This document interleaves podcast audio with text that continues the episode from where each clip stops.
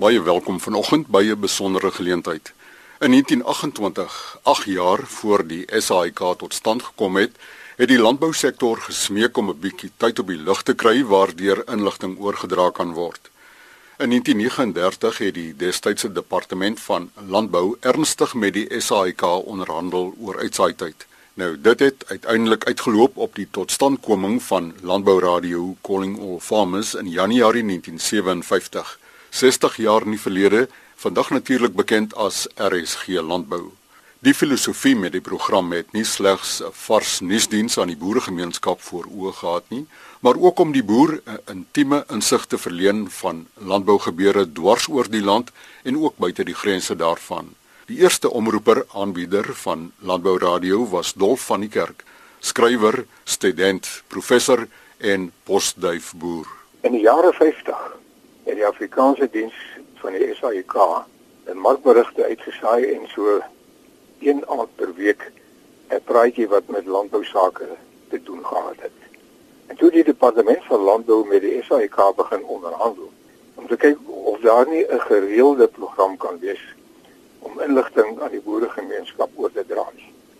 En uh, die departement sou die personeel verskaf en ook ateljee's bou sodat die programme in die geheel en afgerond aan die SAK besorg kon word vir uitsending. Die ateljee is in die kelder verdieping van landbougebou uh, in Pretoria gebou. Die doel daarvan was om so min vliegtuiggaraas en voertuiggaraas in die ateljee te kry. Ons het dit natuurlik probeer klankdig maak. Maar uh, ook omdat in daardie dae op die plankvloer net bokant ons en dames geloop het met hierdie harde polvye en, en die klank het ook tot in die ateljee deurgetrek. Toe is die eerste taak wat ons gehad het was nou om 'n kenwysie te soek. Dit is nie vreemd dat ons besluit het dat die haan moet kraai nie. Want dan word almal wakker en ons het gedink dis vroeg genoeg. En toe soek ons 'n kenwysie. Want ons wil eintlik iets hê wat bly moedig as dit ware in die oggend die mense kan wakker maak. Landbou Radio roep die landman.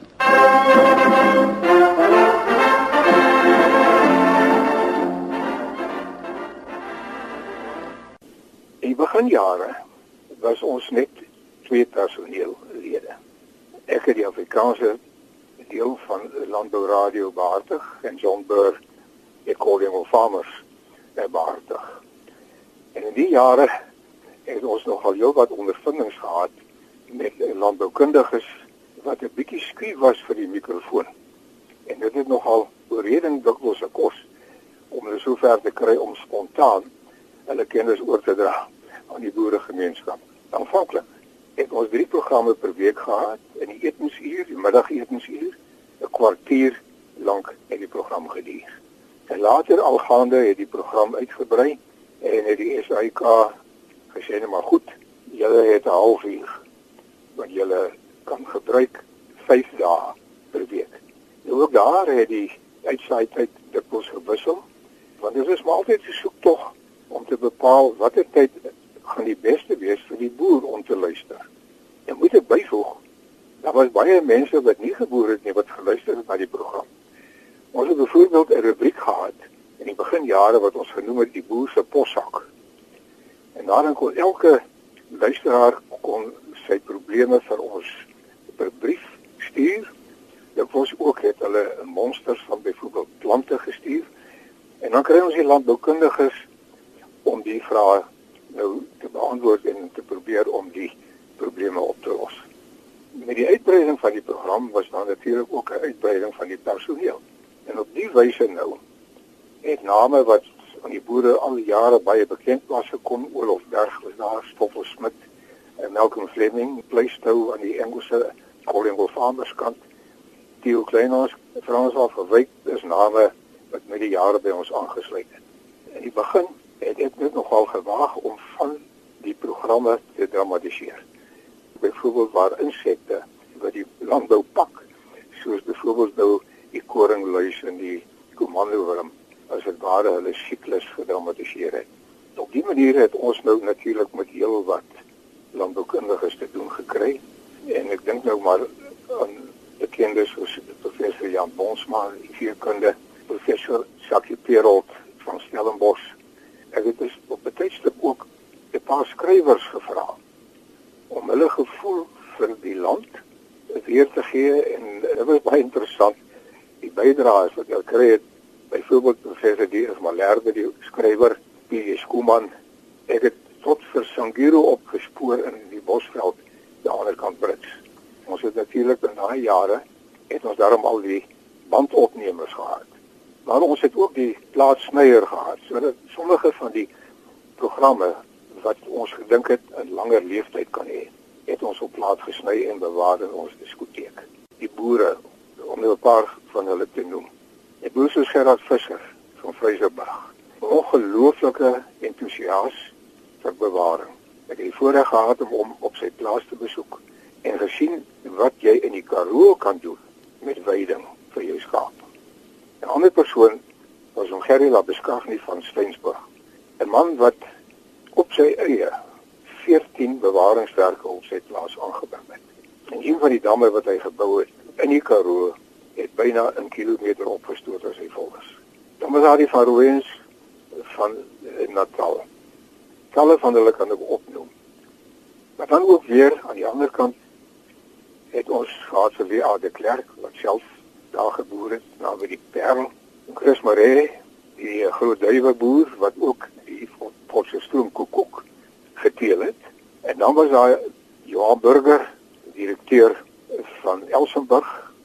Professor Oosterhof, die veearts wat ook van die eerste mense was wat in vitro beplanting gedoen het by diere. Dan was daar 'n vervolgverhaal wat ons ook gehad het Dit was 'n aanleiding van die Archers wat so groot sukses was die BBC se programme. Het ons ook probeer om deur middel van 'n vervolgstorietjie inligting oor te dra. En die skrywer daarvan was Mikro. Hy was toe ook redakteur van die departement se tydskrif Die Boerdery in Suid-Afrika. En hy het die verhaal geskryf vir die titel Die Tontels van Tontelfontein. En op die manier het ons ook nog weer inligting probeer oordra ek het 'n opname gemaak en 'n vervolgverhaal geskryf oor die plaas Tempelhof daar in die Oos-Vrystaat. Dit was die heel eerste plaas in die land wat volgens beginsels van die nuwe grondbewaringswet was dit ware nou herbeplan is met die kontoure en al die dinge. En die mense goed geken wat daarmee gemoeid was. En toe dit net lees ek op 'n dag in Hansard van ek dink was 1946. En daar staan ene SP Leroux op. Later minister van landbou. Toe lees ek wat hy in die parlement gesê het in ons hart. En net daar dink ek hier is 'n idee. Hier is 'n idee van 'n kultuur filosofiese studie oor bewaring want sy hele tema was bewaring is eintlik 'n sedelike plig vir die mens. Dit was die vonk wat my aan die gang gekry het ja toe. Toe begin die werk. En my professor het vir my gesê maar jong waar gaan jy verwys en waar gaan jy hier goed? Is nou 'n nuwe rigting hierdie. Toe het ek al lank al dit op jy werk gedoen so sê jy prof ek gaan probeer ja goed maar dit het jou gegaan op grond ook van die grondbewaringswet so die die titel van die ding was bewaring as 'n sedelike prinsipe in die grondbewarings situasie in ons land. So dit was die vir my 'n wonderlike geleentheid om daardie studie te doen en uh dan kyk later ons praat vandag van omgewingsetiek. Nou dit het eintlik in 'n in 'n sin het ons in daai jare ek praat van my voorskrifte van 1980 en uh het ons nog nie van omgewingsetiek gepraat nie, maar die idee was etiek vir die omgewing. Die duiweboerdery bloed sal ek maar sê is van baie klein tyd af by my aanwesig was 'n klein seentjie eh uh, was 'n bietjie van 'n een kant ouetjie en toe het ek 'n paar duiwe gehad daar in die tuin in 'n klein hokkie waar ek hulle met hulle gesit en gesels het ure lank toe ek klein was. Toe gebeur 'n wonderlike ding toe ek hierso in standaard 4 was. Hoe ons op een Sondagmiddag daar by Rieterview op die brug gery het en 'n duif daar gesit het en ek vir my pa vra asseblief pas hou stil hou stil hou stil daar sit 'n duif. En ek klim uit die motor en ek loop na die duif toe en ek sien maar die duif het twee ringe aan. Die een is 'n gommastiek ringetjie en die ander is 'n metaalringetjie ek besef ek nie maar hier is 'n besondere duif. Ek loop na die duif toe. Vlieg nie op nie. Ek neem hom in my hand. En ek gaan terug motor toe en ek sê asseblief pak kom ons huis toe want ek het daar ook 'n hokkie gehad toe op daai tydstip. En ek gaan sit by by Vidal. Maandagmiddag kom ek uit die skool en ek gaan polisiestasie toe met die duif. Jy rapporteer die ringnommers al die dinge.